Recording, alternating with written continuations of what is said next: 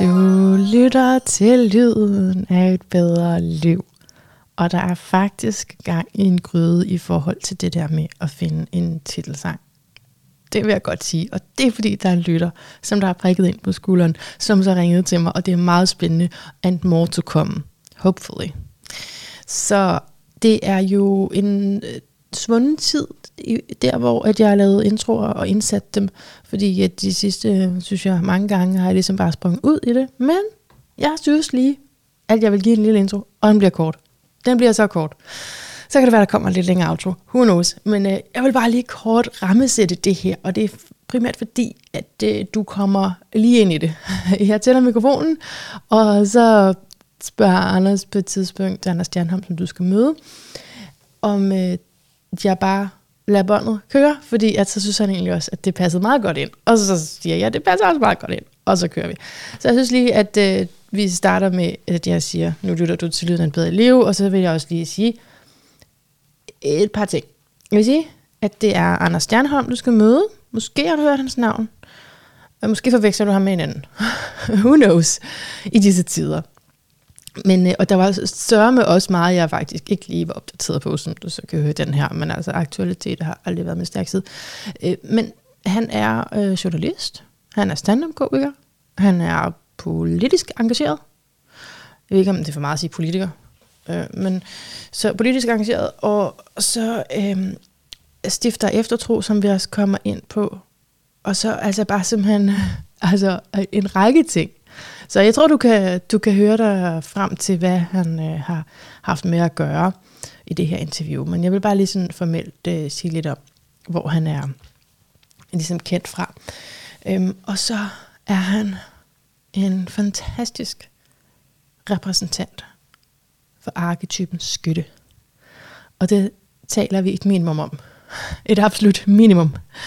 Fordi øh, jeg bliver helt, øh, jeg får helt åndenød bare ved tanken om den kritik, øh, hvor igennem han ville slagte mig, hvis jeg åbnede op for det. Og en lille smule efter samtalen øh, gjorde han jo det.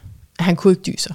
Så han skulle lige høre, hvordan kan det være, eller hvordan, hvad var det han sagde, hvordan kan du, eller generer det dig ikke, tror jeg han sagde, generer det dig ikke, at det er fuldstændig øh, irrationelt, og der ikke er noget logisk fundament under astrologien. Og det var, jeg, jeg øh, kan godt selv se det. Jeg kan godt selv se det. Det er 100% inden for min synsvinkel, at øh, der er en programmering i mig, som var meget, altså en tidlig programmering, som har været religiøs, og hvor der er rigtig meget, man ikke har øh, kunnet forklare, og ligesom overladt det til tro. Og at den vane er nok et spor under min astrologi også nu hvor jeg har taget afstandsreligionen, ikke kan se det gode ved det, og kan se det meget meningsfulde, og det meget givende ved at være ens egen guru, og bruge symbolikken i for eksempel astrologi, eller primært for mig astrologi. Ikke? Men jeg kan godt se, at hvis jeg nu var opdraget mere rationelt, så var jeg nok ikke gået med på den. Så derfor er det selvfølgelig stadigvæk en del af, øh, at den mm, prægning, jeg har fået, som gør, at jeg kan tænke i de baner. Fordi det er jo så også en hel øh, diskussion i sig selv, at man kan sige, tror du på astrologi? Altså der vil astrologer jo sige, det har jo ikke noget med tro at gøre. Men selvfølgelig i en ramme af, at man taler med en ateist, så, så er der jo selvfølgelig nogle antagelser bag. Det er klart. Okay, ja, så han er også øh, artist i øvrigt, formand for Artistisk selskab. Han i hvert fald været. Han har jo haft en forfærdelig masse kasketter, og jeg tror, at det fortsætter sådan, og det er ret fedt. Øh, det, det er jo øh, den primære grund til, at jeg synes, han er øh, selvfølgelig meget værdig til at komme her i programmet. øh, men det, det er, fordi han øh, tør at skille sig ud. Det i sig selv er fedt det er jo så ligesom, hvad jeg tænkte inden, men som du så vil høre, så øh, åbner han jo altså også op for noget, noget nyt øh, for mig. Og ikke mindst det sidste. Noget af det sidste, han siger, er faktisk, hvor jeg lige blev sådan, nå ja, Så, så det øh, ja, cliffhanger der. Jeg håber, at øh, du bliver til den hele, fordi der er faktisk et rigtig godt flow i den, og der er ikke... Jeg har ikke... Altså, jeg klipper normalt heller ikke ud, men jeg synes bare, i den her, der er et øh, usædvanligt godt flow i, at øh, vi ligesom bare går fra det ene emne til det andet, og så går vi alligevel også lidt tilbage igen. Og det er også meget glad for, at han tør... Øh, altså, der er jo sådan en balance imellem at overgive sig til et interview og ligesom lade sig guide, og så alligevel også lige sige, hvis man synes, der er noget, der er uforløst. For det er faktisk også rigtig rart for mig som interviewer lige, at Nå, jamen det havde jeg jo ikke set der, og så er det bare så ærgerligt at stå der bagefter og få at vide, hvorfor gik du ikke mere i det emne? Øh, ikke? Så det var rigtig rart lige at blive, også at blive guidet lidt af ham til det. Også fordi, når der er noget, jeg hopper over, så er det jo nok også fordi, det er lige lidt for ømt for mig. Øh, og øh, der er der øh, forskellige ømme ting, vi taler om her. Så, sådan er det. Når det er noget, der er anderledes, ikke, så er man jo øh, for det meste programmeret til, at øh, det skaber et vist ubehag. Er man ikke? jeg er i hvert fald. og, og det, det er det, jeg synes er så fedt ved Anders, at han bare sådan står ved, ikke? Og, øh, og det er det, som jeg håber, eller regner med, at vi alle sammen aspirerer imod, at, at, at sige, nej, det, det er sådan her, jeg har det, og jeg kan godt stole på, at det faktisk er rigtigt at have det sådan her. Hvor at en anden måde at have det på vil være sådan, ja okay, jeg har det sådan her, jeg ved godt, at de andre har det sådan, jeg har det sådan, er det, er det okay, er det okay, jeg har, ikke? Øh, hvor den her klare skyttesætsled bare siger, nej, jeg ved det her rigtigt, jeg har tænkt det igennem. Så øh, ja, det er, jeg håber, at du bliver bare mindst lige så inspireret, som jeg gjorde af det her interview, og at det åbner et eller andet for dig, uanset enighed. Det er aldrig nogensinde formålet med de her samtaler, at øh, der skal være total enighed, slet ikke. Mere bare perspektivudvidelse, så man kan få nogle idéer til, hvordan man også kan være i verden, og også kan mestre sit liv. Og som du vil høre, så er jeg kommet til at sige til Anders, at øh, min podcast handler om livsmestring. Det synes han er ret vigtigt. Men det er jo, det er jo fordi folk spørger, hvad handler Lyden af et bedre liv om? Uh, så så ja, jeg er nødt til at sige et eller andet. Og det er den røde tråd, livsmestring. Og jeg kan bedre lide det ord end selvudvikling, fordi ellers så er der nok alligevel omkring 40% af det, jeg laver, som ikke kunne være med i podcasten, hvis det kun handler om selvudvikling, tror jeg. Så mere det der med, at øh, hvordan man klarer sit liv. Det er mere det, tror jeg. Ikke? Vores forskellige livsfilosofier. Alright, nu vil jeg lade dig komme i gang med det her interview.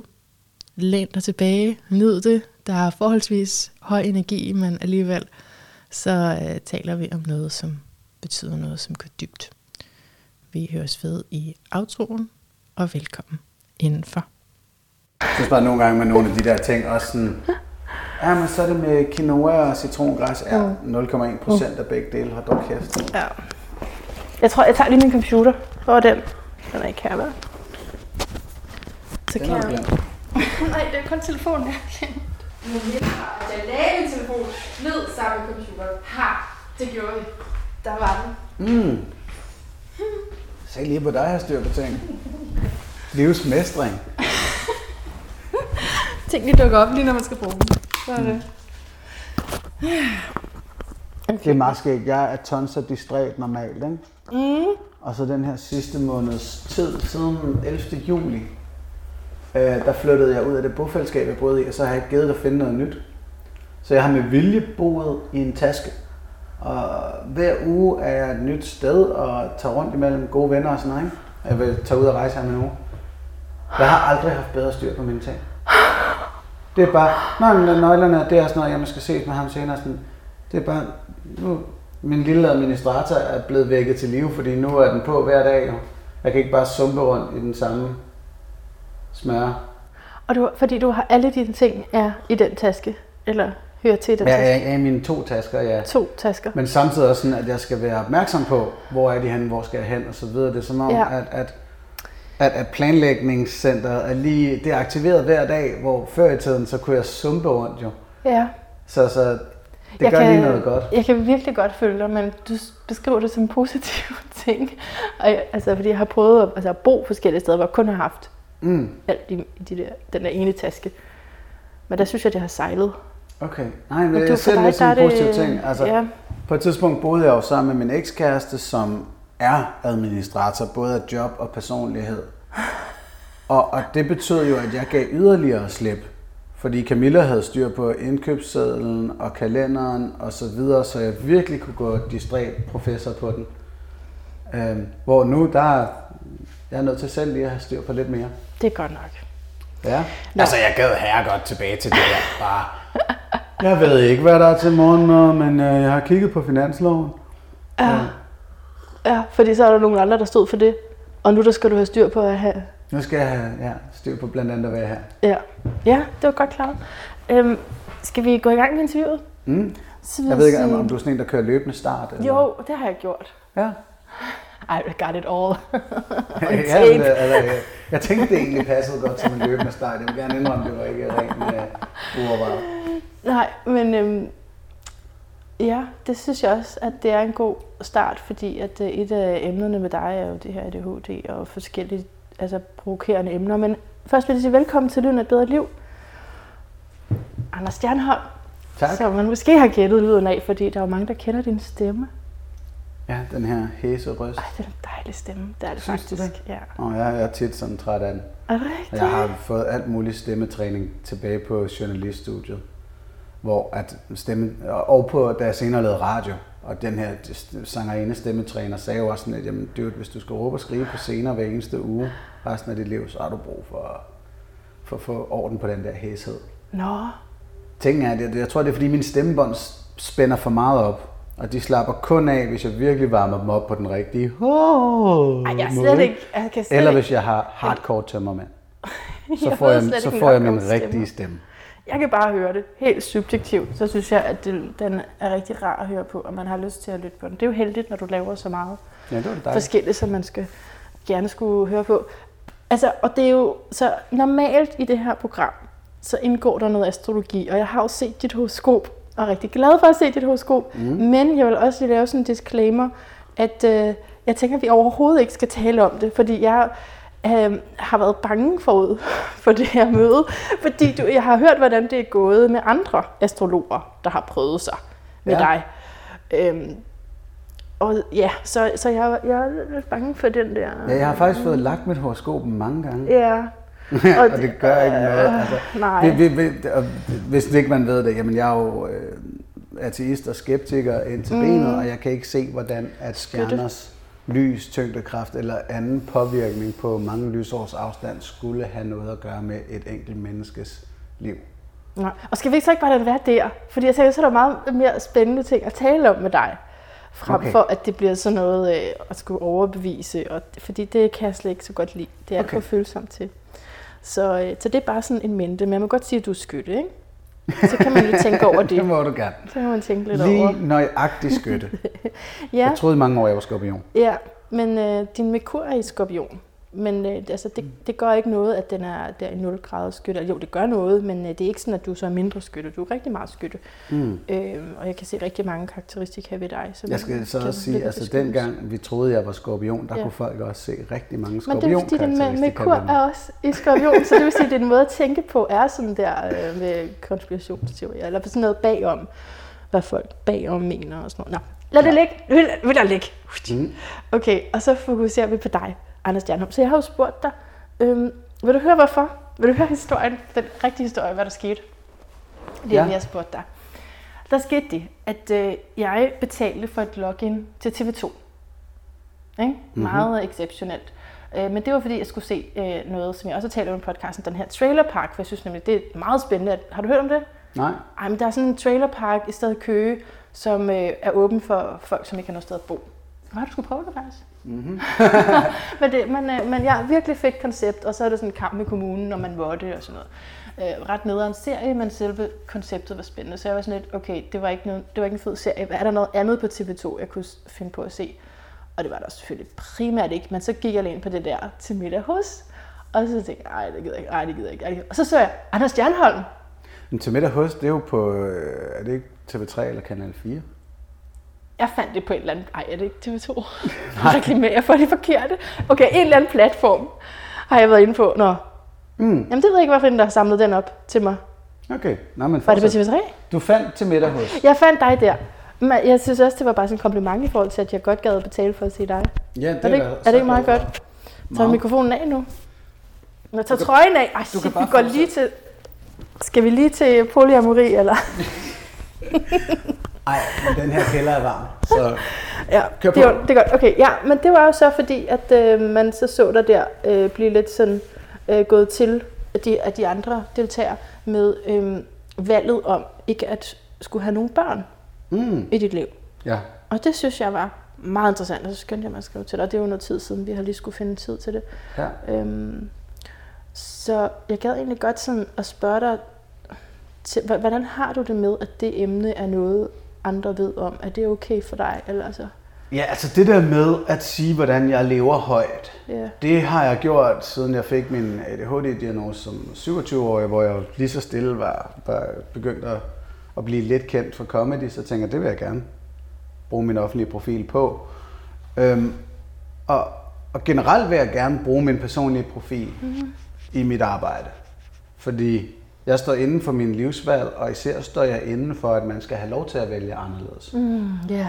Men vi har, og det har alle kulturer verden over, menneskelige kulturer, en enorm bias omkring majoritetens valg og, og nogle konservative normer på alle områder. Du og jeg har mødtes med, med, igennem arbejdet med at forlade religion. Ja. Og, og det her spørgsmål med børn, synes jeg er helt vildt så meget, at, at majoritetskulturen er, at man bør få børn, man ligefrem skal. Mm. Og nu hvor der er flere og flere af os, der bryder med den norm, så, så er der ligesom, der er et slag at vinde her omkring accepten af at vælge anderledes. Mm.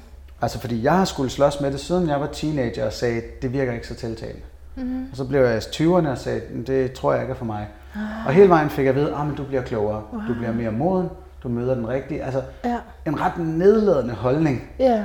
Overfor, at her vælger jeg noget andet. Ikke? Ja, noget du kunne mærke instinktivt. Ja, og det der slog mig især, da jeg så øh, her sidste år blev steriliseret, øhm, det var, at, at hvis jeg har skulle slås med det så meget i et progressivt samfund som det danske, som en hvid mand, som ellers normalt så kan hvide mænd få lov til at gøre, hvad vi vil. Ikke?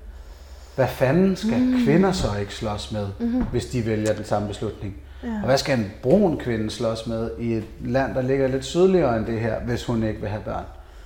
Øhm, så, så jeg synes, der er grund til at tage den her. Når du så også samtidig altså har politikere, der siger, åh, børnetallet er nede på 1,65, nu skal vi knalde for Danmark, og DR sender store programmer live fredag aften omkring, at nu skal vi lave nogle flere børn. Mm. Nej, vi skal ej. Det går helt åbenlyst i den retning, hvor at mennesker ikke er en del af løsningen. At vi ikke har brug for menneskeligt arbejde osv. Vi har al mulig indsigt i, at automatiseringen kommer til at tage jobs fra os, og vi kan ikke alle sammen leve af at lave podcasts. Så jeres børn er ikke en del af løsningen, plejer jeg at sige. Ikke? Men er det så fordi, du tænker, at det er også, der er børn ude i verden, som ikke har forældre, og så er det en idé at altså, ligesom adoptere dem? Mm, nej, det, det, det, det er endnu større end det. Jeg, jeg mener helt seriøst, vi kan se, jeg mener helt seriøst, at menneskehedens evolution peger imod det her, hvor vi får langt færre børn. Mm. Det er jo klart, for 300 år siden, der var børnedødeligheden tårnhøj, og man lavede bare så mange, man kunne. Altså det gjorde vi jo vidderligt. Og en kvindes værdi var blandt andet, hvor mange børn hun kunne pumpe ud, fordi Ja. de døde rigtig mange af dem. Og man skulle sikre sin egen alderdom. Mm. I vores dumme, sm- små feudale system. Altså hver person har jo deres lille hjem, ikke? Ja. Det, det er en anden side af sagen. Men nu ser vi, når børnedødeligheden er lav, når man kan stole på som forældre, at de overlever, så får folk to. Alle steder i verden, selv de fattigste egne af Afrika, hvis man kan stole på, at ungerne overlever, så får man to. Og nu i vores del af verden, hvor vi bliver meget ældre, end man tidligere har gjort, og ens alderdom ikke sikres ved, at børnene tager sig af en, men der er en generationskontrakt og et samfund, der kan tage sig af dig, så får vi endnu færre. Og det er nok ikke nogen dårlig idé, når nu vores levetid står til at blive op mod 120 i løbet af det her århundrede. Øh, Det, det er fuldstændig naturligt i menneskets udvikling, at vi laver markant færre børn nu.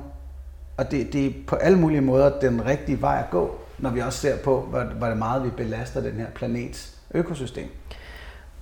Okay. Så jeg er jo meget nysgerrig. Så samfundsmæssigt er det en god idé at lade være. Mm. Personligt skal man bare have lov til at lave den mængde børn, man har lyst til. Okay. Også nul. Ja. Ja. Ja. Nej, men det giver jo vidunderlig mening, altså. Og er noget, som jeg meget gerne vil have med i podcasten, det her friheden til anderledes valg, at gå imod normen, ikke? Øhm, Så undskyld, du var i gang med et spørgsmål. Ja, fordi at det jeg så i det program til middag hos der, det var, at du, det er ligesom om, at du har indrettet dit liv efter nogle moralske kategorier. Altså, på, et- øh, det er ikke en kritik overhovedet, det er mere sådan, jeg er nysgerrig på, at er det sådan for dig, hvis der er noget, du mener, det her, det er moralsk rigtigt at gøre, og det er godt for samfundet, at så gør du det også selv? Altså, Ikke helt. mm, nej, Jeg spiser kød, og jeg Aha. flyver på, på ferie, og ja.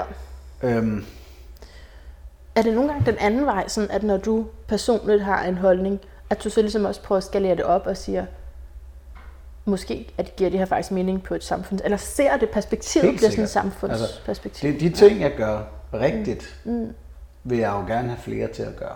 Ja, Og jeg vil ikke have flere til at flyve og spise kød. nej, nej, nej. Jeg vil gerne have flere til at stå ved, hvis de ikke har lyst til at lave børn. Ja, Det tror jeg er en del af løsningen. Jeg vil gerne Ja. have flere til at kigge kritisk på, hvad religion er for en størrelse. mm. Jeg vil gerne have flere til at forstå, at vækst, økonomisk vækst ikke nødvendigvis er det rigtige.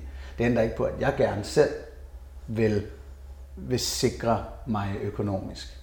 Øhm, nej, nej, selvfølgelig. så jeg har nogle hykleriske sider, Mm. men kan tydeligt se, sådan, jamen, hvad, hvad samfundet har brug for, og de ting, som jeg gør rigtigt i forhold til at være samfundsborger, dem vil jeg jo gerne have alle til at gøre. Mm. Og så er jeg med på, at alle har deres hykleriske sider. Mm. Ja, yeah. Mm. men, men er det, altså det du sagde med, at jeg vil sikre sig økonomisk, det er vel ikke hykleri, og nogle gange er man jo også nødt til at flyve for at komme det sted hen, man skal, eller? Mm.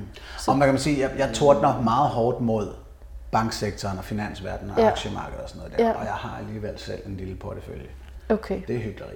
okay, okay, men så siger du det så åbent, Ja, ja, ja. og det er sådan, Ja. du lever, er det ikke sådan? At- Jamen altså, jeg, jeg har i fem år brokket mig over det her system, hvor jeg ikke har tjent synderligt mange penge, så, mm. så tjener jeg penge på den måde, som jeg synes er forkert, indtil mm. at der er penge i at gøre, hvad jeg gør. Okay, Hvis det ja, giver mening. Ja, ja. Og måske vi lige skal så sige til lytterne, hvad det er, du gør, og til mig også. Prøv at opsummere, hvad det er, du gør. Fordi øh, jeg holder det her interview være åbent, og ikke øh, sat et fast oplæg til dig, eller sendt et oplæg til dig, fordi øh, at der er så meget, jeg gerne vil tale med dig om. Og, og, mm. altså, så okay, jeg kunne godt tænke mig at stille dig det her spørgsmål, jeg har tænkt lidt over. Øhm, hvordan har du det nu med, at øh, Manu Seren er gået ud og skrevet en bog om ADHD? Ja. Øh, føler du, at han ligesom stjal det lidt for dig? Mm, nej.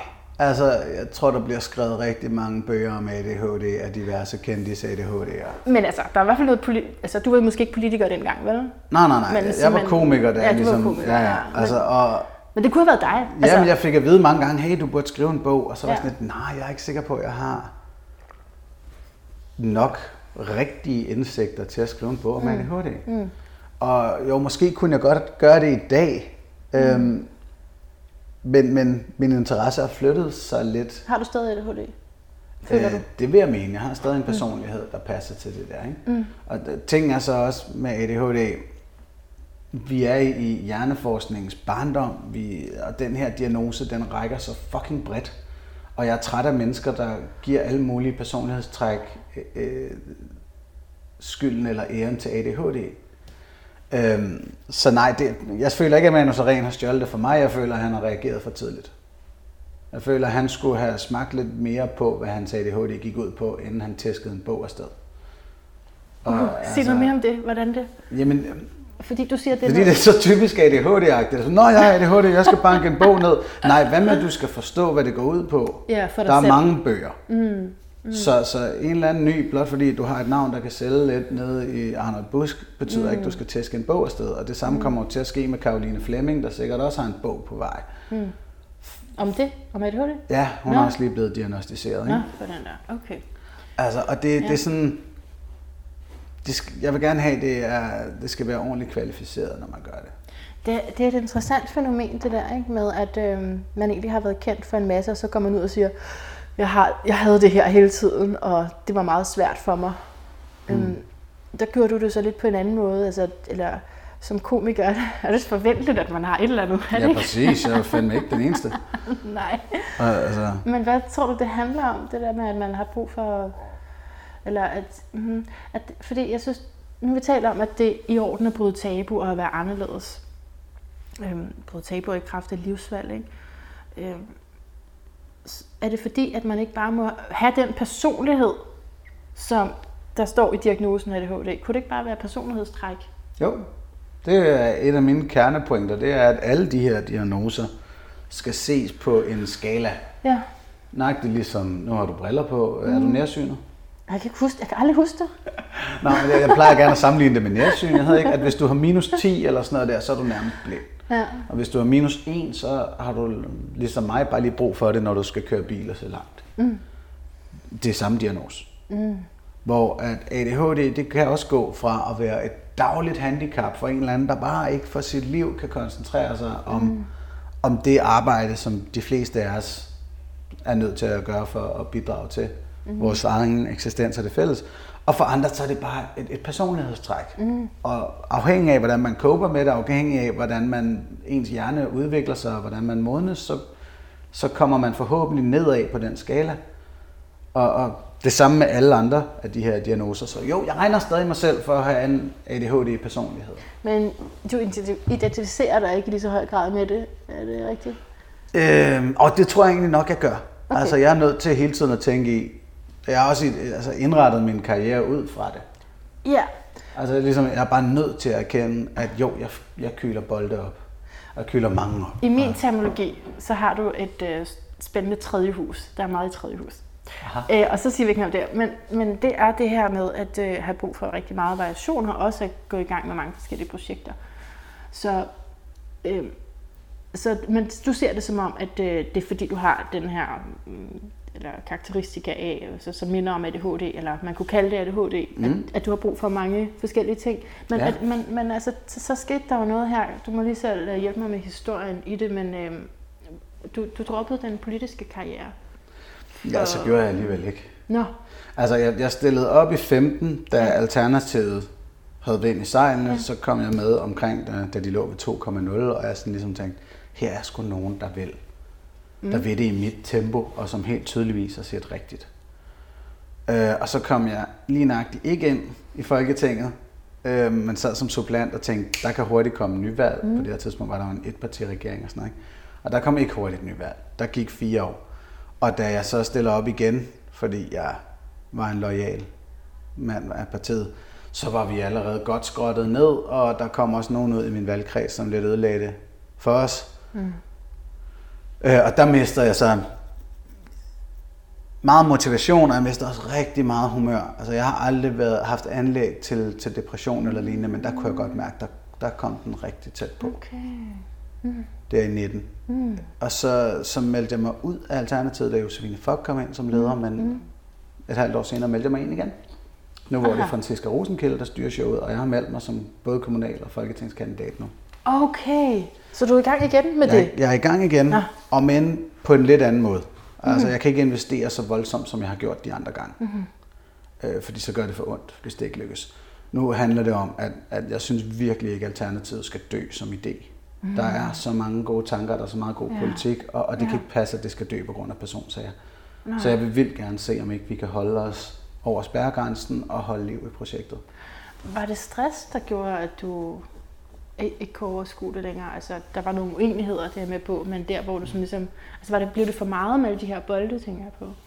Ja, noget i den retning. Øh, det gjorde for ondt, og på et tidspunkt, så bliver økonomi også et hensyn. Ja. Så, og så bliver jeg sådan helt, nej, jeg skal tjene nogle penge. Ja. Og det behøver jeg egentlig ikke, så jeg er også i gang med at holde lidt fri inde i mit hoved for det der. Mm. Men på et eller andet tidspunkt skal der jo Der skal komme en indtægt. Ja. Det, jeg kan bare mærke, at det er bare nødt til at vente, fordi jeg kan ikke lade være mm, med alt okay. det her frivillige arbejde og politiske arbejde. Okay. Okay, det Må- kender jeg godt. Må jeg spole tilbage til, Ja. til middag hos, fordi det Ja. virker ikke som om, du helt fik spurgt ud om. Øh, jo, men det er jo fordi, at der er så mange emner i dig. Øhm, Men det var det her med det barnfri. ja. Jo, men jeg synes... Øh, Jeg rent nemlig, at Annette Haik, hun var meget nervøs for mig. og det er jo også det, der kommer op, når jeg googler dig. du har jo forskellige podcast, kan vi lige sige, mm. Øh, Altså, som at du laver. nervøs for mig kommer op, når man googler mig. Nej, nej, nej, nej. Øh, at, øh, Annette, at Annette Heiks kritik kommer op. Nå. Altså, der er, alt muligt, der er, det er også nogle spændende ting, som ikke kommer op, men det første er, er jo sådan i forhold til, at øh, hun ligesom var meget ked af, at du ikke skulle have en familie. Ja. Og så står der sådan gensvar med, at men du siger jo ikke til hende, at, hun, at du er ked af, at hun fik en familie. Nå, ja, men det glæder mig, at det står. Øh, jeg kan ikke huske, hvad- hvilken artikel jeg har sagt det i. Nej, men, det, Men altså, ja, fordi det havde været flabet, hvis jeg stod og var sådan, at jeg er bekymret for, om Ja. du kan lide dine børn. Ja, ja, det er det. Ja, ja men jeg, altså, jeg tror, det er mest sådan, det rører ved mig, det er det, at du tager noget, som er øhm, personligt og skalerer det op til moralske kategorier, eller den anden vej rundt. Mm. Det ved jeg ikke helt. Altså, at jeg tager noget personligt moralsk og skal, mm. skal det op. Mm. Øhm, ej, jeg har ligesom været igennem, hvorfor jeg synes, det er samfundsmæssigt en Ja, fordel. Ikke? ja, Og, og for mig personligt, så er det jo sådan, jeg, jeg er fuldstændig med på, apropos livsmestring, at mm. det er så en dimension af eksistensen, som jeg aldrig kommer til at Ja, opleve ja. og forstå. Og jeg er med på, at den der ubetingede kærlighedsrelation, mm. Mm. og hele det projekt, det er at lave et barn, og mm. prøve at få et, et menneske ud af det, øh, må være sindssygt spændende og givende osv. Og, og der er jeg også nødt til at sige, det er ikke det projekt, jeg har lyst til. nej. Og, og jeg er med på, at, at derfor skal mit arbejdsliv og, og så videre også kunne give noget helt andet. Og det er jo så også en del af det, at det, jeg kan nok ikke bare få et 9-17 arbejde, hvor min funktion ikke er, er meget givende. Uh, det er spændende det her, Det, det ikke? skal ligesom blive hmm. et barn i sig selv. Ja, det tror jeg er rigtigt, ja. Og der vil jeg jo det så ind i det med at have brug for at brænde for noget, og også kunne komme til at brænde ud for noget, ikke? fordi at den her ideologi, eller den verden, du gerne vil se, at det, altså, det er så stærkt i dig, men det er også mm. nogle gange op ad bakke med, mange man skal samarbejde Det med. er sygt og- op ad bakke, især den her tid. Ja. Altså for mange år siden på et kreativt kursus, der fik vi sådan en opgave, at vi skulle definere, hvad vores arbejdsliv handlede om i en sætning. Og jeg kom meget hurtigt ned på et ord, som er Awesomtopia, som er sådan en, en fremtidsvision, hvor menneskeheden, vi har gjort alting rigtigt. Vi har en bæredygtig planet, vi har glade liv, og så videre, og krig og alt den slags er slut. Og jeg ved ikke, om du nogensinde har set Star Trek. Jo, jeg er Yes. bekendt med... Yes, og det er jo den vision mm. et eller andet sted. Ikke? Mm. Star Trek er en af de meget, meget få science fiction scenarier, hvor menneskeheden har gjort det rigtigt. Mm. Øhm, og det kan at det er der, jeg gerne vil hen af. Om, om 200-300 år, så har vi kun én valuta, og der er ikke længere aktiemærker nødvendige for at sprede kapital til projekter osv. Du har ikke længere religion, du har ikke længere en overtro. Mm. Der er bare en, en reel forståelse af, at kosmos er fantastisk, og at menneskelivet mm. kan byde på rigtig meget. Mm. Og vi ellers er bæredygtigt kørende. Og hvordan vi kommer derhen mm. i løbet af min levetid, er så det, der driver mig. Mm. Det er at medvirke til positive kulturelle forandringer. Ej. Ej, det var fordi, jeg tænker, at det er meget skytagtigt. Men, men, altså, Fedt. men det er også smukt. Øhm, men så den der midter der, rørte den noget ved dig personligt, nu hvor de gik lidt til dig, eller især Annette Heik gik til dig? Øhm, altså, Var du sådan- Annette er en... På nær, altså, jeg, det negative er, at jeg synes, hun er utrolig fanget i den rammefortælling, hun er vokset op i. Mm. Altså, jeg, jeg fandt det meget ironisk, når hun siger, ah, Anders han smider det bare ind i sådan nogle snorlige kategorier, hvor jeg var sådan lidt, kan du se det? Men Ja. det kunne hun ikke. Ja. Men derudover er hun en meget, meget dygtig menneskekender. Mm. Så hun kalder også rimelig rigtigt bagsiden af, hvad jeg har gang i. Mm. Det vil jeg gerne give hende. Uh, okay. Øh, og, og prisen, jeg betaler for at vælge min vej. Mm. Var det svært at blive set igennem dit blik? Fordi som du siger, I har jo forskellige programmeringer, eller mm. altså hun kommer ud fra et meget solidt familieliv, ikke? Jo. Øh, ah, svært. Jo, det havde sådan lidt en... Altså, jeg kan jo godt lide god kritik. Og noget af det, hun kom med, var god kritik. Øh, mm. Og ja, det gør ondt, men, men ikke slemt ondt. Altså, fordi i sidste ende mener jeg jo også, at jeg har ret. ja. Så, så, Ja, ja, ja. Men det er jo godt, altså, ja. så du bliver ikke i tvivl, eller... Jo, jo, jo, jo, jo, jo. Alt, hvad jeg tror på og agerer ud fra i min hverdag, er til konstant forhandling. Ja. Så jo, når nogen kommer med god kritik, så sætter det nogle tvivlsprocesser i gang, og så Okay. går jeg i gang med at forhandle i, hvad har jeg egentlig gang i. Right. Så Så jo, jo, så kan hun ligesom starte den der med, okay, har jeg lyst til at medvirke til at opfostre et liv? mm, Og så kan jeg sidde og tænke det igennem. hvad, Kom. tænkte, hvad tænkte du så Der efterfølgende? kom jeg frem til en ups. Ja, altså, ja, ja, ja. Øhm, ja, altså, det, det, det, jeg, kan, jeg, kan, jeg har lyst til at påvirke livet. Jeg har nogle nevøer og jæser og sådan noget. Jeg har lyst til at påvirke dem i, i min retning. Og, Mm, øh, en- i sådan en respektfuld doser. Men jeg har allermest lyst til at påvirke så mange som muligt med idéer ja, og analyser af idéer. ja, ja, ja. Øh, Men det det, der med at have ansvar for en eller to, det, det er mindre interessant end at have ansvar for udviklingen for mange. Jamen, altså, jeg sidder jo ikke og vil sige til dig, at det er bare fantastisk at have børn. altså, der, der, så, så jeg er Hvor helt gammel med er dine lige nu? Jamen lige nu er de 11 og 13, og lige om Okay. lidt 12 og 13, så, øh, så det er et stykke tid siden. Øhm, men jeg havde jo også den her med, altså, at født den tredje, som jeg har bortadopteret, og det var jo også fordi, jeg stod i en Mm. øh, meget presset situation, ikke? Og, og, og ikke har en naturlighed omkring forældreskabet i mig. Så jeg kan, 100 men jeg kan sætte mig ind i dit sted. Det er også derfor, at det lige var den der, øh, Men det har afsnit ikke en med... naturlighed omkring forældreskabet. Nej. Fandt jeg ud af, det troede jeg. Og så det da, er jo... da den første kommer, Mm, og er lille bitte og hjælpeløs, ja. Nå ja, tager op og bryster og alt det der. Men, øh, men øh, at sætte sin egen behov til side. Nu var jeg også øh, ung, det plejer jeg også lige at mm. tage ind i mixet, ikke? At man ikke kan altså, nødvendigvis se så langt frem eller overskue. ja. Øhm, hvad der, altså konsekvenserne af at have fået børn, simpelthen. ja. Ja, Okay, jamen der, der, er altså, jeg, jeg tror, jeg, jeg kan godt lide, hvad du siger med naturligheden i forældreskabet. Altså, fordi jeg har veninder, hvor jeg tænker, jamen, du er bare skabt ja. til at være mor. Ja, hvor de bare embodyer det, ikke? Og, og hvor man, ja, altså hvor at ikke nok med, at de er der hele tiden, mens barnet er vågent, men når så unge sover, så er de på Facebook for at diskutere forældreskab og politik og alt muligt. Og kan det være Ja. passe en minimumsnormering? Og bare, okay, det, det er simpelthen bare et barn, der har overtaget fokus i det her menneskes Ja. liv. Og det er jo faktisk det, et barn fortjener, synes jeg. Jeg ved, synes jo, at børn fortjener det hele. Og og det er der, det, man jo så kan opleve, at man er utilstrækkelig. Ikke? Eller, Ja. Og måske er bedre til noget andet egentlig. Men altså, nå.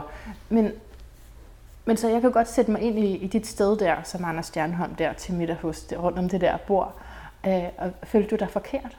Nej. Er det en følelse, du kender? Af at være forkert, at være sådan lidt blive fremmedgjort på grund af det, de valg, du har taget, eller holdninger, du har? Nej. Okay. Øh, dertil har jeg fortænkt for meget over det. Mm. Altså, hvor jeg Du godt kan tænke, der kan være blinde vinkler, Mm. og der kan være øh, præmisser, der ikke er helt på plads, men konklusionerne er ikke dårlige. Mm. Og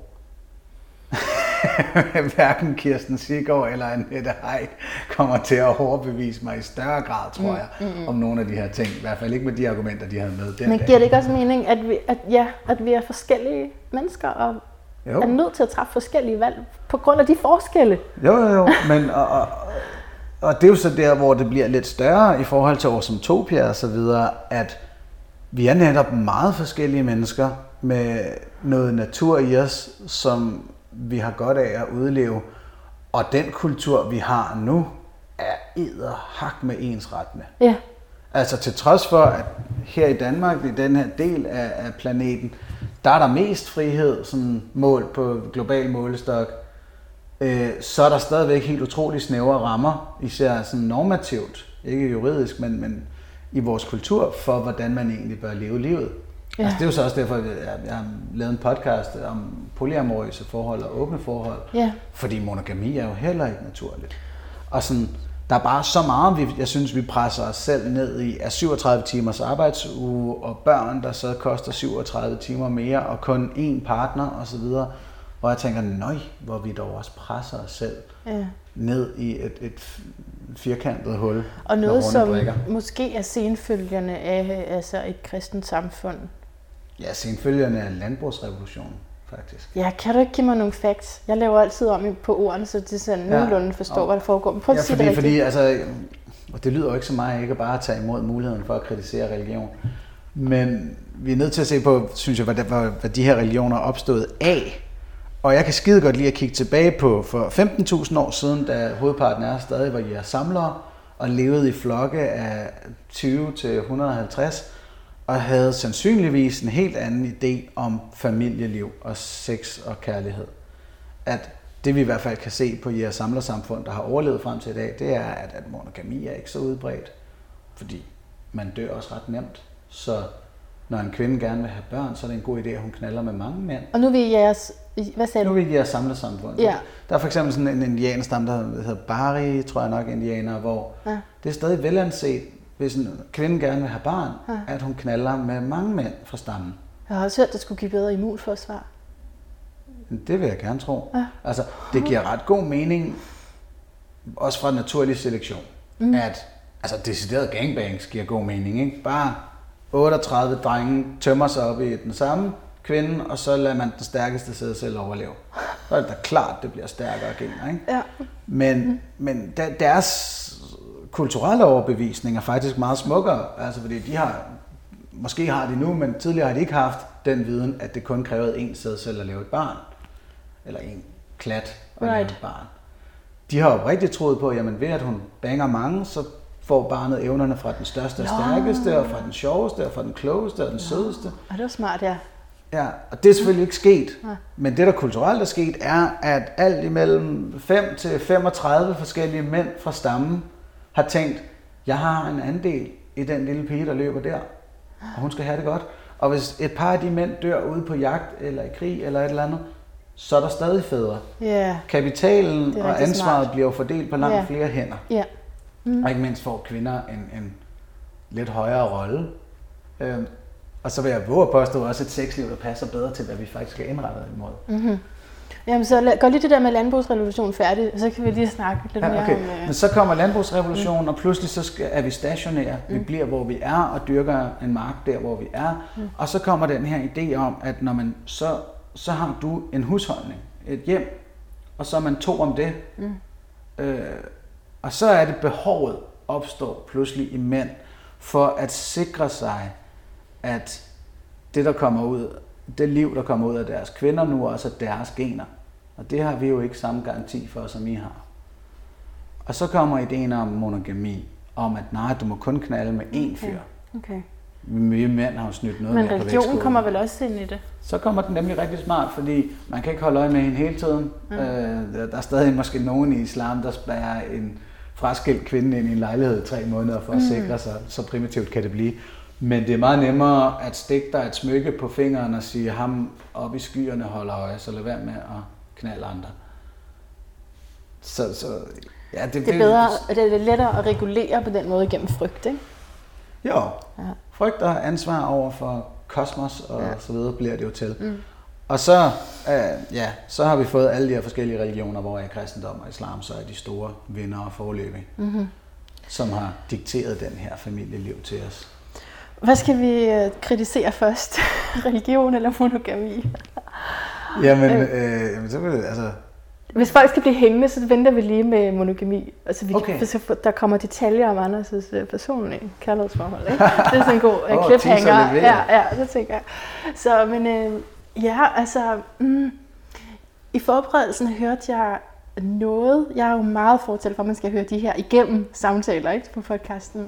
Bliver interviewet, og intervieweren vælger, at det er langt, så er der en mening med det. Men jeg kunne faktisk ikke holde ud at høre færdig. Øhm, det er et interview med, hedder han Islam B? Isam B. Ja. Ja, Øh, jeg tror, jeg kendte navnet for han. Altså, han, han er musiker jo, ikke? jo, han er det, Han har lavet, fra Outlandish. han har lavet nogle virkelig gode sange. musik. Ja. Øh, men øh, det, var, det var meget forfærdeligt, synes jeg, hans argumenter. Ja. Øh, det, er ikke en, jeg har ikke, det er jo ikke en kritik af ham, eller, men det er bare min egen... Jeg blev bare lidt retraumatiseret, tror jeg. Fordi alt, hvad han svarede der med, øh, det er en podcast, der handler om... Øh, hvad, hvad hedder den? Ja, den hedder Hvad tror du selv? Hvad tror hvor du jeg selv? interviewer en religiøs person om vedkommendes personlige religiøsitet. Ja, så det var basically de her fem søjler og islam, hvad det betød for ham, ikke? Ja. Øhm, og, og ja, jeg synes bare, at de svar, han gav dig, det kunne jeg have fået at vide i, i en religiøs kontekst, jeg var i det, ikke? Mm. øh, og også sådan der, han sagde for eksempel, at det, nej, nej, det er ikke det, det handler om, altså, det handler om dit hjerte. Det er hjertet. Mm. Og, jeg kunne, og jeg kunne høre, han, han var så god i hans stemme, men problemet er, at det er det, der for, øh, altså forført mig i, i kirker, også ja. at få, få det at vide på den der kærlige måde. Altså hvis det, jeg reducerer i Sams argumentation, så var det, det står i bogen, øh, og så udenom snak. Ærligt talt. Det, det var sådan noget rigtig øh, præstesnak. Mm. Det står ja. i bogen, jamen hvordan kan du vide dig sikker på bla bla bla. Jamen mm. livet er en gave, Anders. Ja. Og det handler om dit hjerte og bla bla bla. Præcis. Øhm, det, det virkede meget på mig som, altså nu taler jeg jo tit med præster og imamer og sådan noget. Det virker ikke som om I samme egentlig har tænkt så længe over de her ting, fordi lige snart vi bare var i nærheden af at komme lidt i dybden med noget, så, så røg vi, så blev det talt udenom. Måske, måske minder det om, hvordan jeg selv ville have argumenteret. Måske var det, der triggede mig. Mm. Altså fordi man jo netop kan, kan sige, okay, jeg kan ikke huske præcis ordene eller historien bag, men jeg ved, det handler om hjertet, eller sådan, ikke? Jeg tror, sådan kunne jeg nok også godt have talt. Ja. Øh, men, men nu ved jeg bare, eller min forståelse, mit perspektiv nu, er jo radikalt anderledes end noget religiøst. Så derfor så, ja, det var lige lidt ubehageligt at høre på egentlig. Hvordan er det, hvorfor har du brug for at øh, interviewe folk om deres tro? Jamen, det er jo bare en eller anden kinky fetish, jeg har. Fordi der er jo helt utroligt mm. mange, der siger til mig, hvordan har du tålmodighed til at sidde og høre på Iben Trandholm på den der måde. Og, altså hovedparten af befolkningen er jo pisselig glad. Og så er der nogen som du, der forstår rigtig meget omkring, hvordan religiøsitet for de mere fundamentalistisk tænkende ja. hænger sammen, ja. som kan synes, det er spændende, men der er også rigtig mange af jer, der siger til mig, at I kan ikke høre hele afsnittet. Nej, jeg kan ikke holde det ud. Nej, altså, og, og mange har også sagt, at Iben Trandholm-afsnittet, det må simpelthen hakkes over mm. i 10 minutters billeder. øhm, man kan også sige, at mit håb er jo lidt, når jeg sidder med Iben Trandholm, eller Isam, eller lignende, at dykke ned i de der præmisser for deres tankegang, som de ikke selv har stillet spørgsmålstegn ved. Og lige se sådan, hvad sker der så, når vi dykker ned i det her kapitel, som du egentlig bare har bladret forbi rigtig mange gange i dit liv. Øhm, Men er det fordi, du har en eller anden erfaring med at blive tvunget til at tro på noget bestemt? For jeg ved godt, du jo ikke har ikke været religiøs. Nej, nej, slet ikke. Jeg, det, jeg, jeg har fundet religion mm. vigtigt på et samfundsplan. Da, tilbage i 20'erne, da jeg meldte mod folkekirken og begyndte at se det som godt comedy-materiale, så fremstod det meget tydeligt for mig som et, en meget nem, lavt hængende frugt for menneskeheden at plukke, så vi kunne komme hurtigere videre. Så vi kan komme hurtigere mod Asymptopia. Hvor man ligesom kan sige, at i politiske prioriteringer, så er jeg da også fuldstændig med på, at det er klimaforandringerne først, så er den økonomiske ulighed, og så kommer alt det andet. Men hvor at det kan være utrolig vanskeligt at tale om, hvad bør der gøres omkring klimaforandringer? Skal vi jagte den teknologiske udvikling, eller skal vi begynde at reducere vores energiforbrug og bla bla bla? Og ulighed, hvad gør man her? Økonomiske modeller, bla bla bla bla bla bla. Hvor den her lille sag, hvor virkelig mange mennesker verden over lader dele af deres ageren i verden handle om, at de oprigtigt tror på, at en bestemt person på et tidspunkt fik den almægtige skaber af universets vilje at vide, og at det er blevet korrekt nedskrevet i en hellig mm. bog. Mm. Det kan vi godt sige nej tak til. Det kan vi godt droppe relativt nemt. Mm. Og så kan vi se alle de tråde, religion trækker ud i alle mulige forskellige ting, lige så stille blive trukket tilbage, og vi kan se misogynien og den dårlige behandling af homoseksuelle, og alle de penge, der bliver brugt på de her kirker og templer og moskéer verden over, stille og roligt blevet brugt på noget andet og bedre. Ja, lige øhm, de tre Så det er lidt det, der motiverer mig, det er simpelthen mm. at sige, at det her burde være så nemt for os at smide. Men det sidder rigtig godt fast i følgerne. Øhm, ja. Og dem, der kan man sige, dem vil jeg heller ikke fjerne her. Jeg vil egentlig bare i første omgang politisk have, at vi indfører lighed og stopper med at understøtte det. Især ja. i et land, hvor 70% er ateister og skide ligeglade. Ja, og af tradition foretager de her forskellige ting, liturgiske ting i kirken, ikke? Jo. Som bare er, det er bare kostume. Ja, fordi der er de der ting, som du, du nævnte, altså med homoseksuelle, og at kirken koster penge, og, men, men altså, og så er der alle de, de menneskelige ting, som, øhm, som også som kommer i eftertro, som du, er det dig, der dannede det, eller er du...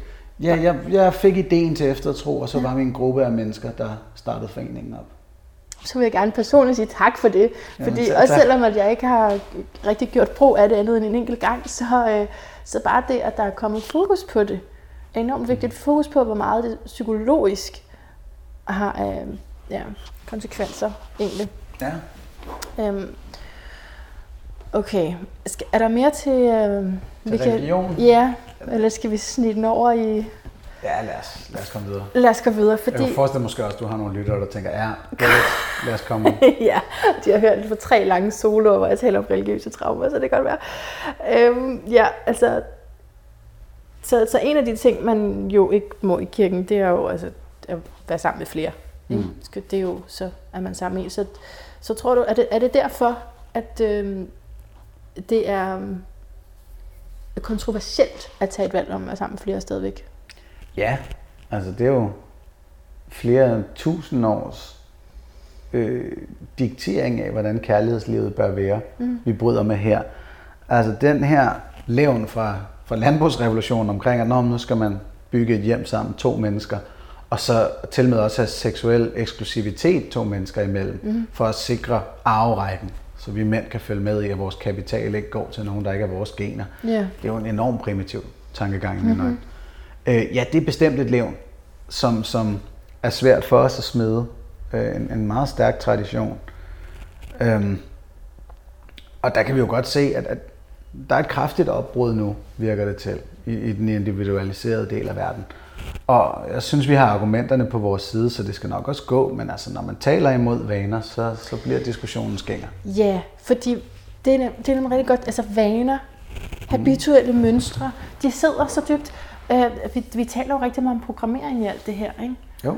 Øhm, og selvom jeg kan læse en bog om det, det har jeg gjort for år siden, og synes, at det giver perfekt mening, når man virkelig elsker nogen, så sætter man dem fri, og ikke det der ejerskab. Og jeg har, har virkelig sådan, synes at teorien har været god, men, men, men i praksis har det været, mm. jeg har ikke synes, det har været særlig nemt.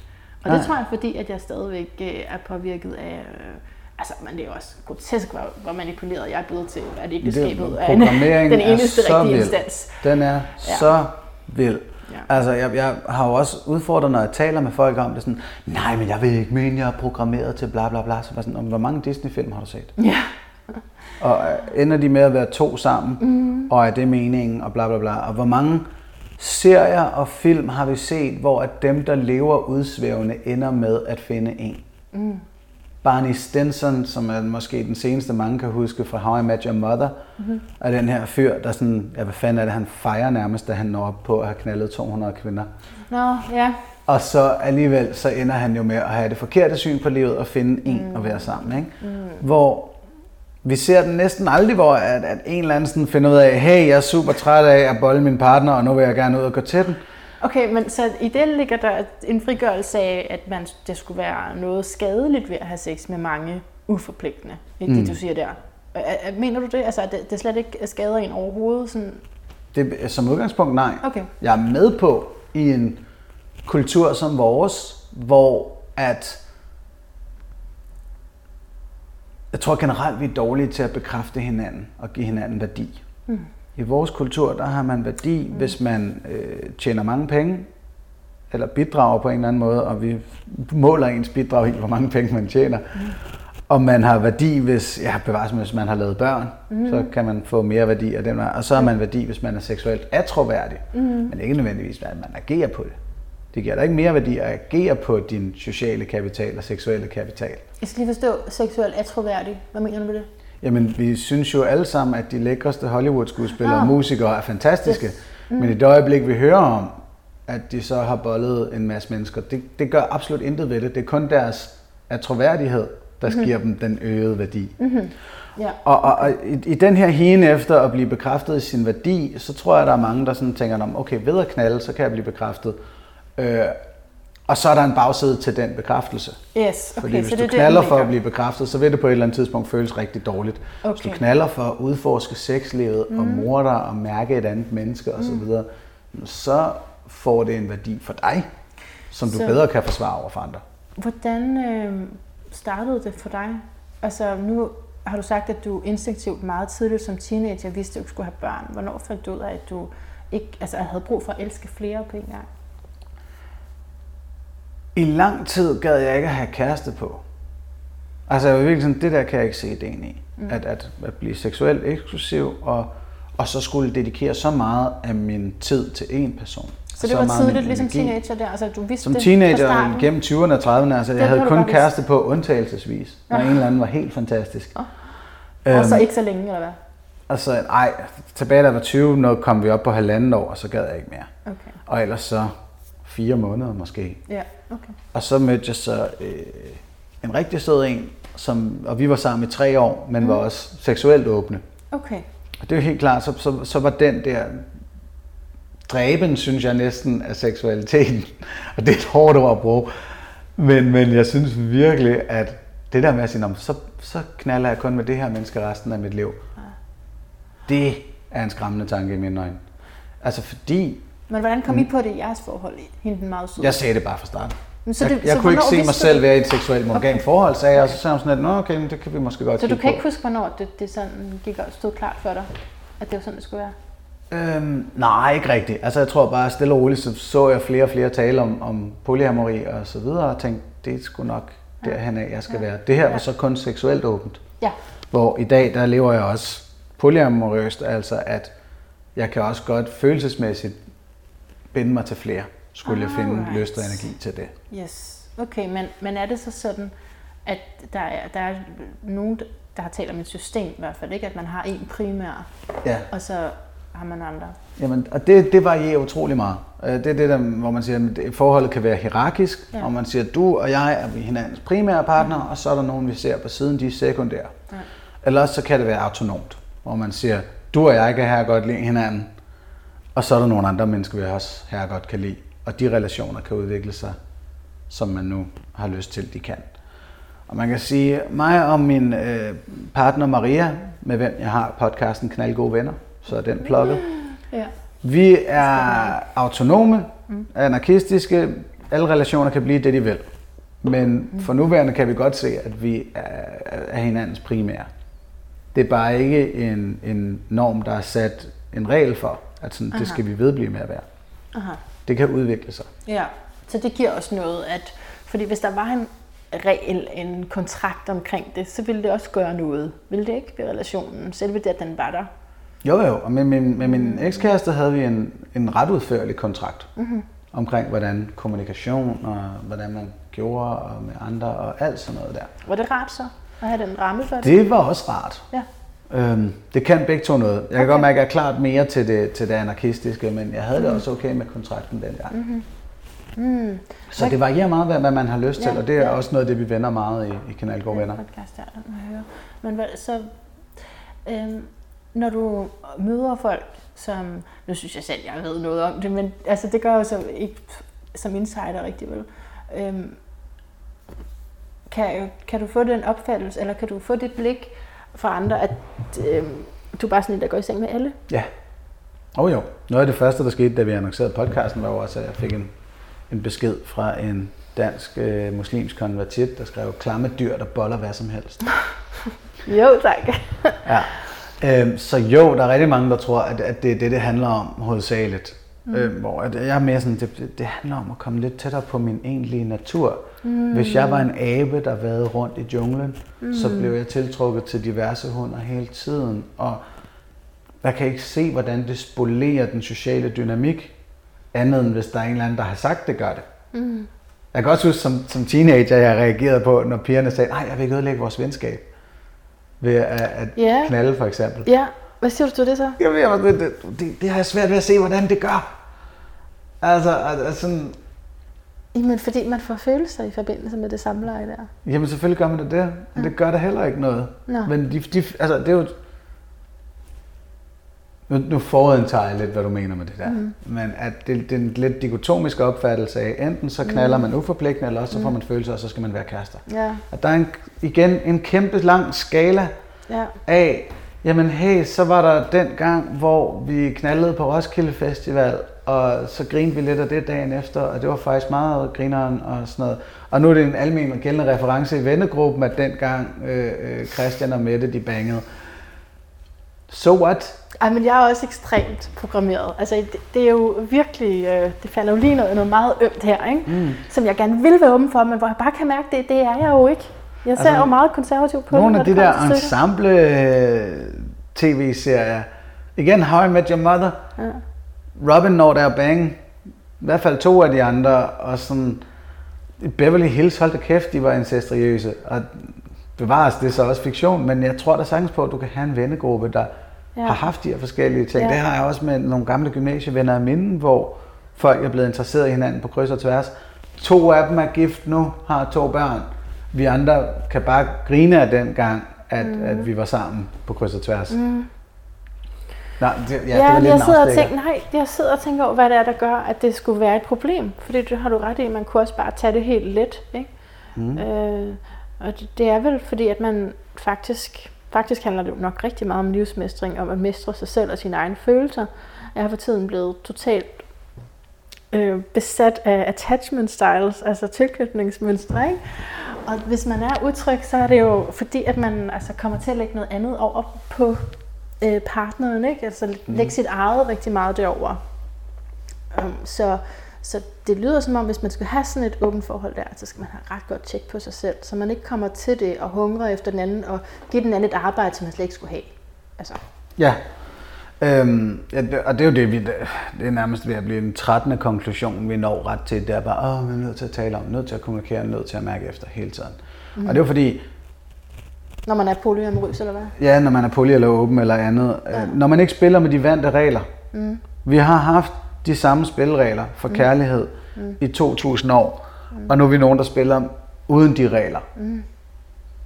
Og skal tale om, hvad fanden mm. gør man så? Mm. Øh, og det er jo klart, det, det, der er, det er også spændende. Altså, ja, det må da være et stykke selvudvikling der. Ja, altså, da mig og min ekskæreste, vi satte os ned og lavede den der kontrakt, det var det første, vi gjorde. Der gik et halvt år, før nogen af os lavede noget. Det var så spændende. Ja. At sidde der og mærke efter.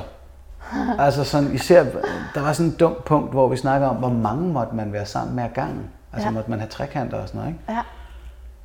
Og, og efter vi har siddet sådan lige og diskuteret lidt, så er sådan et, undskyld, um, hvor mange gange i dit liv er du stødt på muligheden for at have en trekant eller et lille orke? Nej, jamen, mine kan også godt tælles på en meget lille bitte hånd. Så skulle vi bare droppe den her regel, fordi hold kæft, hvor vil jeg ærge mig over at være til en eller anden sjov afterparty og se, hvordan det udvikler sig, og så skulle sidde og tælle hoveder. Og være sådan, nej, jeg kan se, at vi er ni i lokale, så er der to, der gider at skride, ellers så må jeg ikke få konen. Altså, oh, ja. så der, der, der, så slog det os bare lige sådan, fuck, det her handler jo i hvert fald, det handler om at kunne nyde det, og, mm. og hoppe med på den, når der er noget, og sådan, fordi det, at der var ni frem for syv, ville ikke betyde, at jeg ønskede at skade min partner jo. Nej, nej, nej. Okay, ja, det er interessant. Jeg kan godt forestille mig, jeg forestiller mig, hvordan det var at sidde der og lave den kontrakt. Er, du, er det fint nok med dig at føle så meget efter? Altså, er der, ja. kan, det blive lidt, øh, kan man blive lidt utilpasset af alle de kvinder, der vil have, at, at du skal føle alt muligt? den skal jeg lige forklare igen. Nej, men så, du får, det sender mig bare ind, hvordan at være mand i det der, fordi der måske er ekstra meget kommunikation og ekstra meget sådan, jeg har det sådan her, og det, mange mænd er lidt, altså sådan lidt ah, mere, hvor skal du vi tænker, komme videre? At, at, at som, vi? som kvinde, man støder på en mand, og man siger, hey, jeg er i et åbent forhold, og så er han sådan, ja, ja. Det er det, du tænker Nej, jeg tænker dig i åbent forhold, som dealer med samtlige kvinder, som ja. alle sammen har deres følelser, og som ja. alle sammen gerne vil tale med om dem. Okay. Er det fint nok med dig? Er du sådan en mand, der godt kan det? Det tror jeg godt, jeg kan, ja. Nå, nu siger jeg, tror jeg, fordi det, altså, jeg har ikke prøvet at sådan, i længere perioder have to mm. eller flere kvinder, jeg sås med, og virkelig diskutere den slags. Okay. Men jo, det tror jeg, det synes jeg bestemt godt, jeg kan. Det, det smarte er jo, at der er ret mange paralleller. Så når, så når den ene læser af, så kan man sige, Nå, det minder mig om noget, som uh, Rikke sagde i forgårs. Måske ja. kunne du tage det op med hende. det var smart, ja. Mm-hmm. Ja, ja, ja. Det, det, jamen, det kunne jeg forestille mig, at der er jo, det er jo nogle af de samme ja. ting, man oplever vel emotionelt når det er på den måde der. Men nu siger du, at du skal ud og rejse. Er det noget, du vil fortælle om? Eller? Øh, jeg er ikke sikker på, at det er så spændende i forhold til okay. livsmestring. Nej, men det, du skal ikke tænke på, hvad min podcast handler om. Nå, nu handler min podcast bare om dig. Hvis vi skulle tage den, jamen, ellers så, altså, en ting, jeg synes er ret sjov, som ja. jeg læste på for nylig, altså, eller for noget tid siden, det er også det her med vores, vores øh, seksualitet mm. naturligt. Hvor at, at seksuel monogami giver hat mening for begge køns programmering.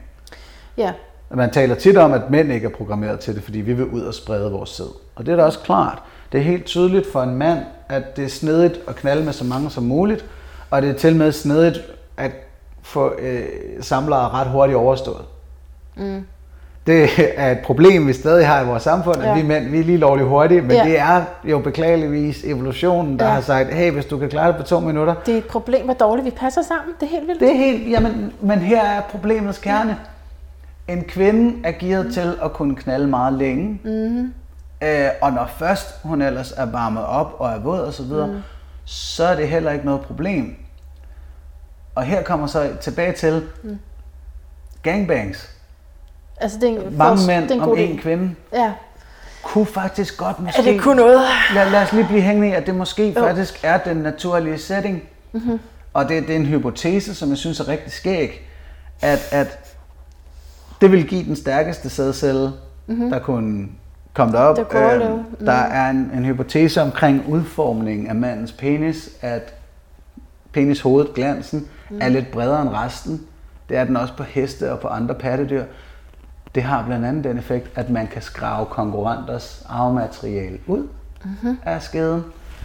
Øh, Okay. Så den ligner simpelthen en svamp for lige at sige, nej, Paul, jeg er med på, at du var først, men det skal sgu være min. Øhm, Så skraber man sædet, sædet ud af junien. så, så når man tager en sloppy second, så kan man lige skrave den konkurrentens sæd ud, og så okay. her kommer min egen. Aha. Det er i hvert fald, igen, det er hypoteser det her. Men, men det er meget sjovt, som de hænger sammen. At kvinder larmer dem lidt mere i sengen, end mænd gør. Er der så en hypotese om, at det er sådan set for at tiltrække flere hanner.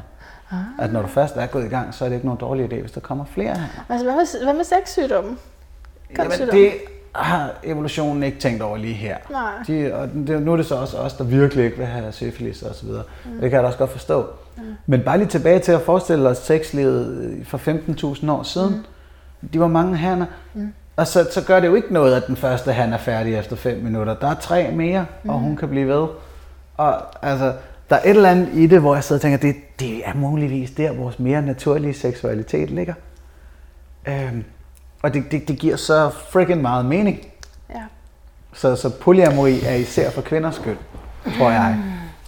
Men hvorfor har man så det her, eller et stærkt behov, generkender jeg for mig selv, til at, øh, at dele noget meget intimt med en mand?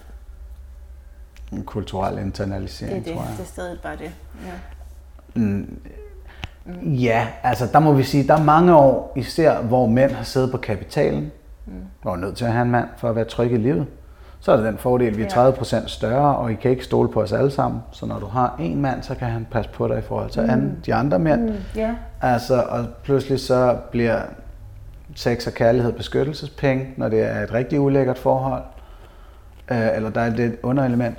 Hvis nu bare I kunne stole på os mænd, og hvis nu kapitalen var ordentligt spredt, øh, og vi havde decideret lige løn og lige kapital, så tror jeg også, der var en, en, en lidt mindre motivation for netop at skulle have det der eksklusive følelsesliv med bare én mand. Jeg kunne rigtig godt lide det, du sagde før med, at øh, man kunne værdsætte hinanden mere i alle seksuelle encounters, eller alle encounters i det hele taget. Um, altså fordi det er vel det, man kunne frygte som kvinde, at så er man ikke lige så meget værd som en af de andre, eller når jeg mangler noget, så har han ikke tid, eller sådan, ikke? Altså, så, Det, Det jeg skal kræver- forstå det. ja, det kræver, at manden han er ret nærværende, hvis der er flere om ham. Men okay, så har kvinden jo selvfølgelig også andre, som polyamorøs. Ja, Ja. Måske jo. Man kan jo også så ikke kunne finde nogen. ja, ja Så der, der er der, er alle ja. mulige kombinationer. Mm. Ja. Øhm, men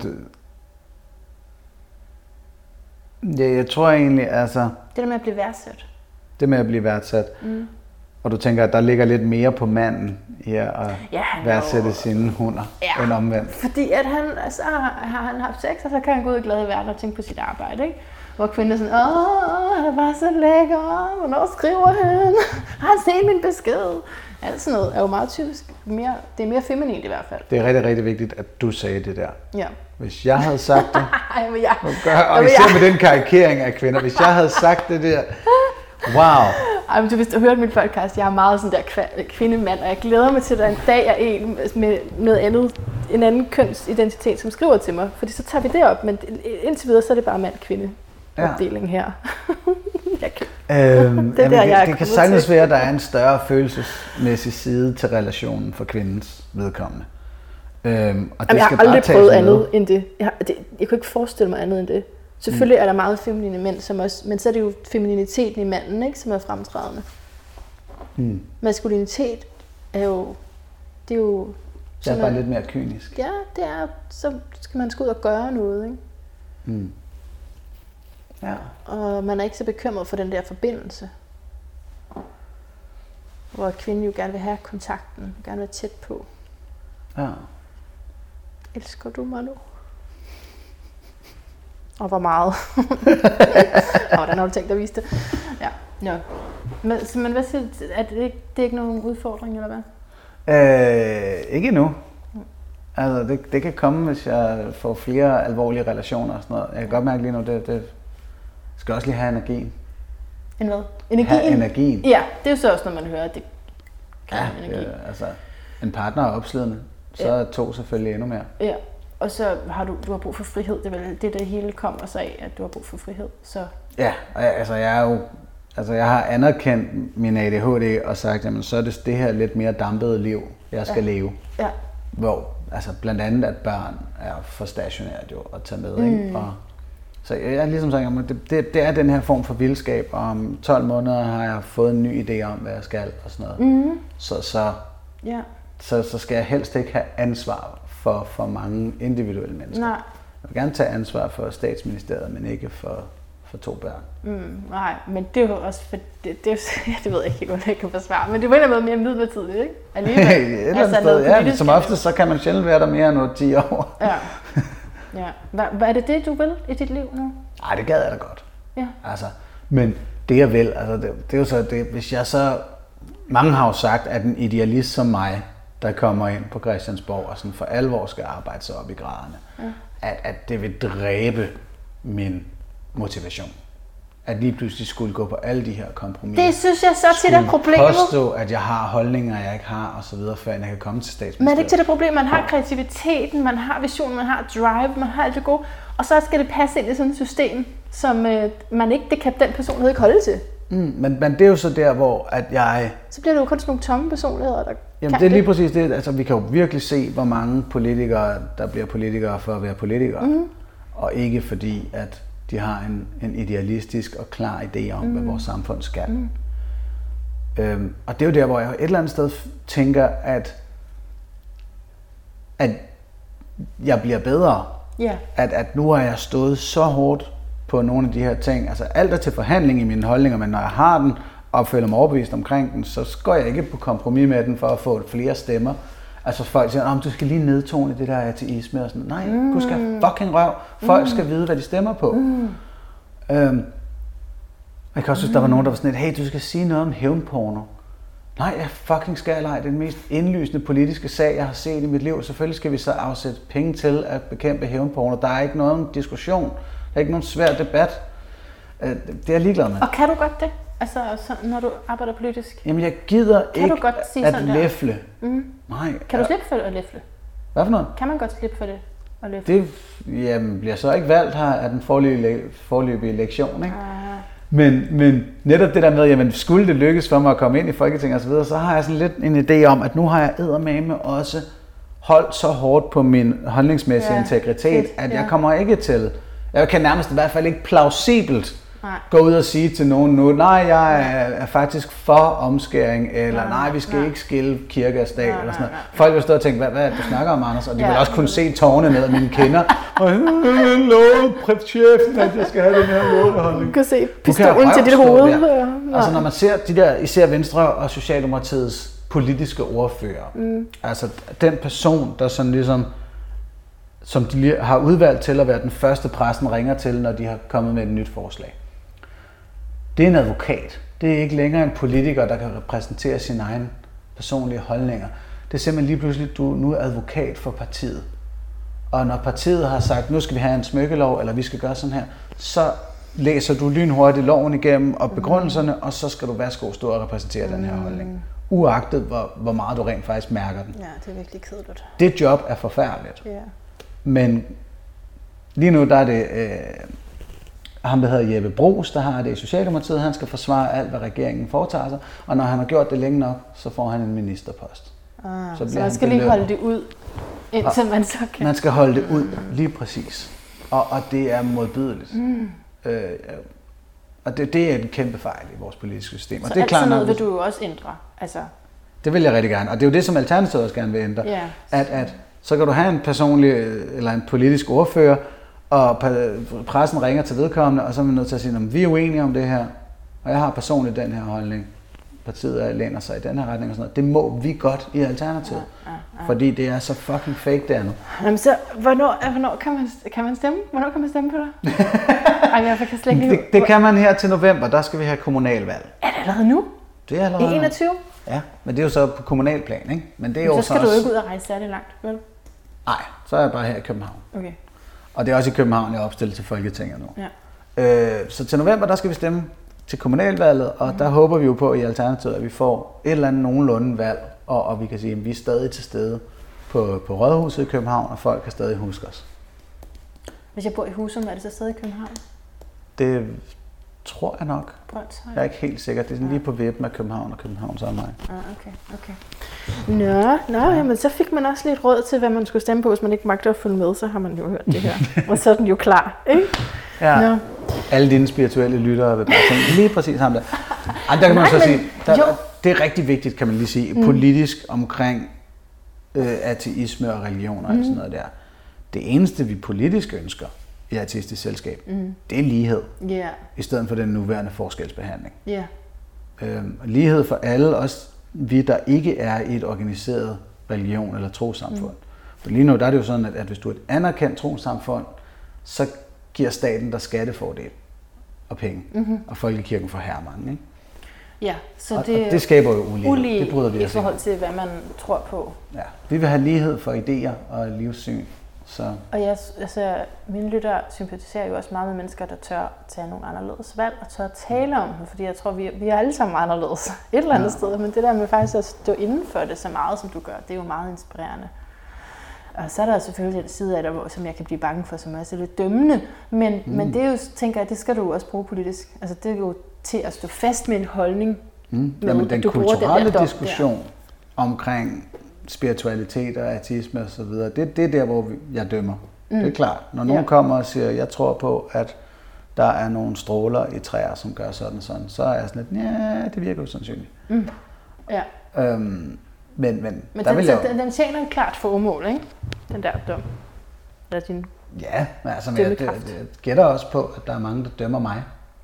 Jo, jo. Og siger, ah, men der er så meget, han ikke forstår, igen. og der er dimensioner af livet, han aldrig vil fatte, og bla bla bla. Mm. Og det kommer vi ikke udenom, at når vi udveksler vores respektive idéer, så dømmer mm. vi også. Ja. Ja. Ja, men det, jeg kan godt lide, når der er en skyggeside, at man så lige forstår, at man den, den tjener et rigtig godt formål også. Mm. Jamen, og jeg kan Så. vise, altså, nogle gange så er der folk, der siger, ah, men jeg synes, et liv uden tro er fattigt, og at du mm. taler grimt til troende, Anders. Og sådan, du har lige kaldt min eksistens fattig, kan du selv høre det? Men det, det er der frygtelig mange, der ikke kan. Ja. Ja, ja, nej, det er meget spændende, fordi jeg deler med, hvordan jeg forholder mig til min kærlighed, eller ja, min kærlighed til astrologi på en måde, som ikke er prædikende. Mm. Ikke? Så jeg ikke bliver en kopi af, hvordan jeg var i fortiden. I forhold Ah, til ja. religion, ikke? Så det er en, det er en kunstlig... Jeg kan sige sådan, øh, det kan vi lige plukke den, at jeg var med i podcasten Det Spirituelle Hjørne. Ja, Øh, min konkurrent, ja, værsgo. ja, med Anna-Sophia Peter, og der dykkede vi nemlig ned i min kulturelle kritik af spiritualitet. Ja, ja det vil mit nervesystem ikke holde til. Nej. Så er det fint, hun tog den. Godt så. okay. Men tusind tak. Anders, øh, jeg har bare et sidste standard spørgsmål, som er, hvad er din lyd af et bedre liv? Grin. Mm. Øhm, og Okay, lyden af et bedre liv. Det er også øh, profaniteter udtalt i frustration. Jo, jo, jo. Lyden af et bedre liv er også at høre folk sige, ah, man lugter røven, du fatter ikke en skid. Fordi den er vi ved at miste lidt. Altså nu Alternativet er for ny politisk kultur og for en bedre måde at udveksle idéer på. Men når vi står, nu var jeg i debatten her i sidste uge, ikke? og når man står der, og, og der er frygtelig meget en tendens til, at folk øh, snyder i deres argumentation og prøver at holde en høflig attitude. Det er så fake. Ja. I stedet for at sige, lugter røven, Jarlov, du har ikke fattet en fucking skid af det her, men til gengæld er argumentationen i orden. Og der tror jeg lidt, vi kommer ikke ordentligt nok af med vores frustrationer i udvekslingen Ej, det er vildt med. idéer. Det kan jeg godt lide. Det At er man- spændende. Og der sidder, sidder lyttere nu, som eller undervejs i det her, bare tænker, fuck dig, Stjerner, du fatter så fucking lidt dit naturalistiske klovn, ikke? Og så Et eller andet sted, det vil jeg gerne have. Start, Ja. start din Facebook-besked Ja. til mig med det, og så ellers komme med nogle gode argumenter. Lyden af at få ventileret frustrationen er også lyden af et bedre liv, tror jeg. Ej, det er ret spændende, og det, essensen af det der er jo så, at man er autentisk, ikke? Det er det, jeg godt Lige kan lide, at du holder fast i det sande frem for fake, fake, fake. Ja. Ja, mega godt. Tak for det her. Jamen selv tak, det var så hyggeligt. Hey hjertet, tak fordi du har lyttet med. Kunne man overhovedet høre den der? Sådan. Ja, ja. Nej, nej. Altså, der er som sagt nye toner på vej. Det er lige ved at blive lavet i processen. Om alt går godt. Jeg ville lige sige noget, som jeg glemte at sige i introen. Så det vil jeg lige øh, genere dig med nu.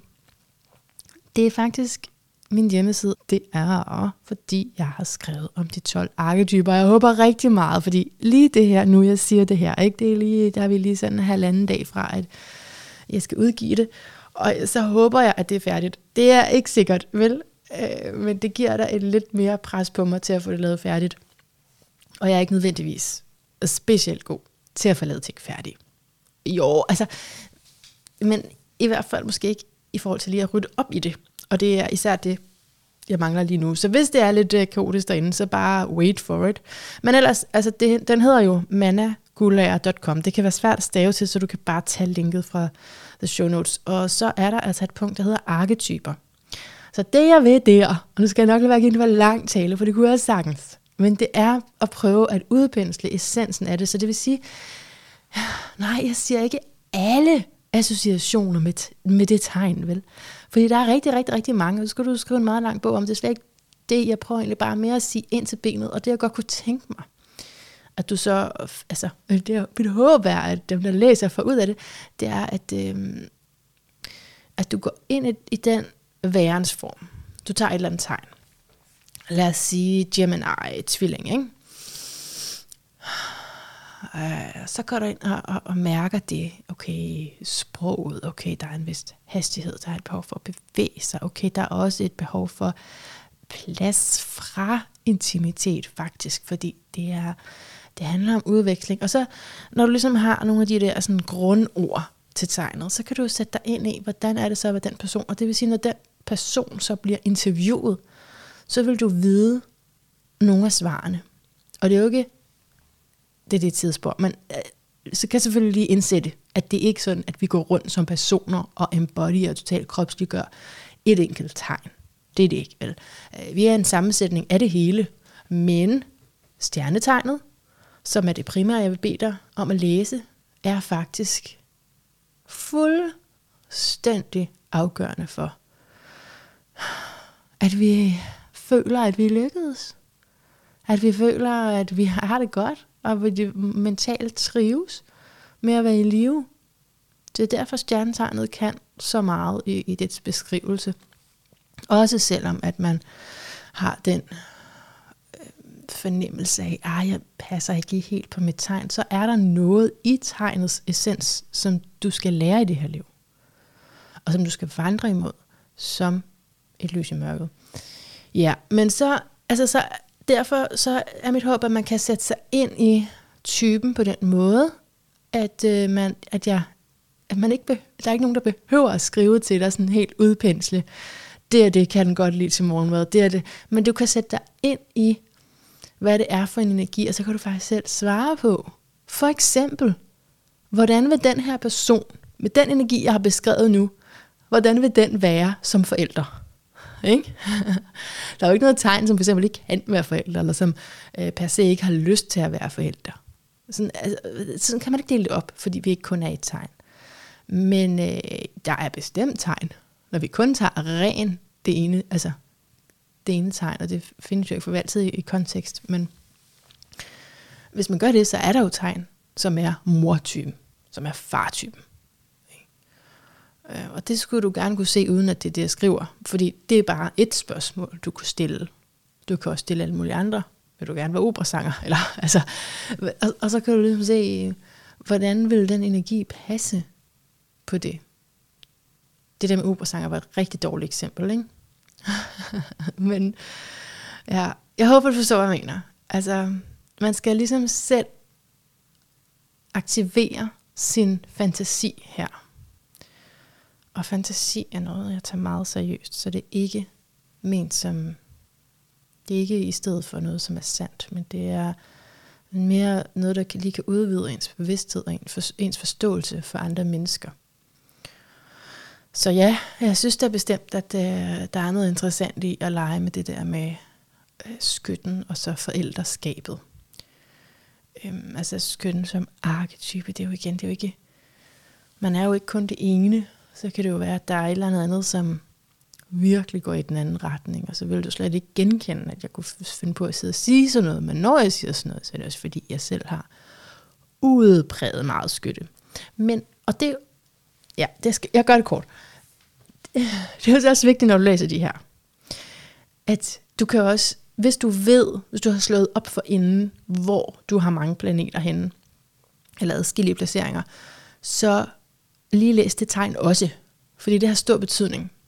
Og jeg kunne godt tænke mig i et separat afsnit at gå i dybden med, hvad forskellen er på, om solen er der, det vil sige, det der er et stjernetegn, og så at der er en gruppe af andre planeter, fordi der er en markant forskel, er min erfaring. Der er en markant forskel på, hvad det er, der er i tegnet, så du kan genkende meget selve ved at læse om tegnet, men øh, lad os nu sige, det er Saturn, du har der. Altså, så er det jo fordi, mm, ja, det er på en vis, som hvis du lige har hørt den her serie med astrofysikerne, hvor jeg gennemgår planeternes betydning, så er jeg ret sikker på, at jeg fik sagt, at Saturn er bevidsthedens struktur.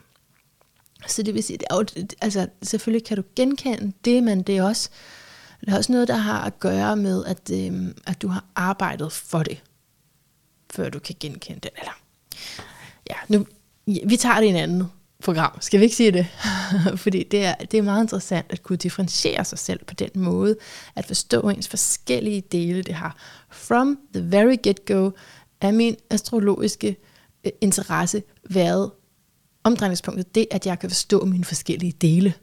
Det er så vidunderligt, fordi så behøver man ikke lukke nogen nede i kælderen, vel? Så må de faktisk godt være der, bare på hver deres måde og hver deres sted.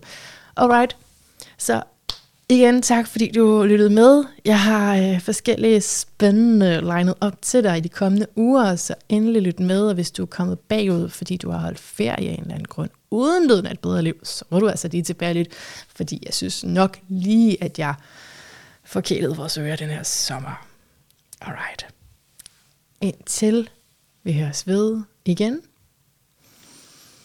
Gentænk alt måske især, hvilken programmering du har med dig.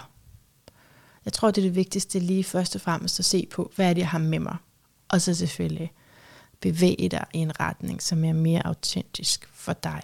Fik jeg sagt, at det er den ultimative essens af skytten at gøre netop det. Det er en arketype, der korrelerer til naturlig lov, altså at bevæge sig væk fra alt det, som ikke er sandt.